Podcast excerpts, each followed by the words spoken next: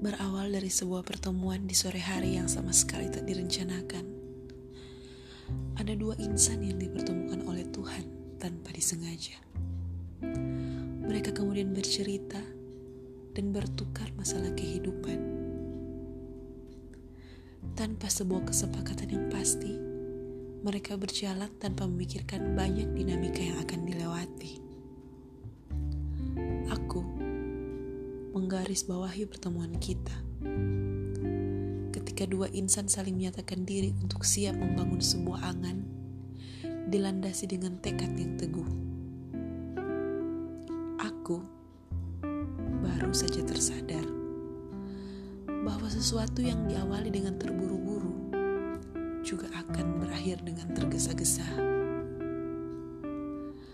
Hanya dengan serpian kesalahan dan segumpal masa lalu semuanya berubah seperti membalik telapak tangan. Pergi dengan sesuatu yang tidak selesai atau dimulai sekalipun. Seribu pertanyaan yang melayang, namun aku memilih untuk menjawabnya sendiri. Seribu pertanyaan yang melayang, namun aku memilih untuk mengerti sendiri.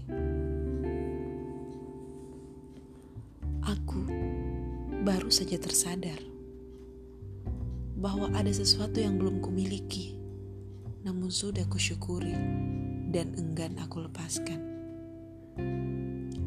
Aku tak mengerti apa maksud Tuhan mempertemukanku dengan ciptaannya yang indah, tapi tak bisa kumiliki. Aku sadar bahwa berusaha dan memaksa sama-sama tak bisa menyatukan. Karena kita ke sebuah pintu telah ditutup dan dikunci rapat, tak ada satu hal yang dapat membukanya. Aku sadar, sekarang, bagaimana rasanya ketika aku telah menawarkan segelas air, namun kau memilih untuk tetap haus. Aku bersyukur dengan segala yang telah kulalui sejauh ini. Kini aku tahu, ketika memiliki sesuatu yang indah, haruslah disyukuri dan dijaga. Karena pasti akan ada sesuatu yang jauh lebih indah yang akan membuat kita terbuai.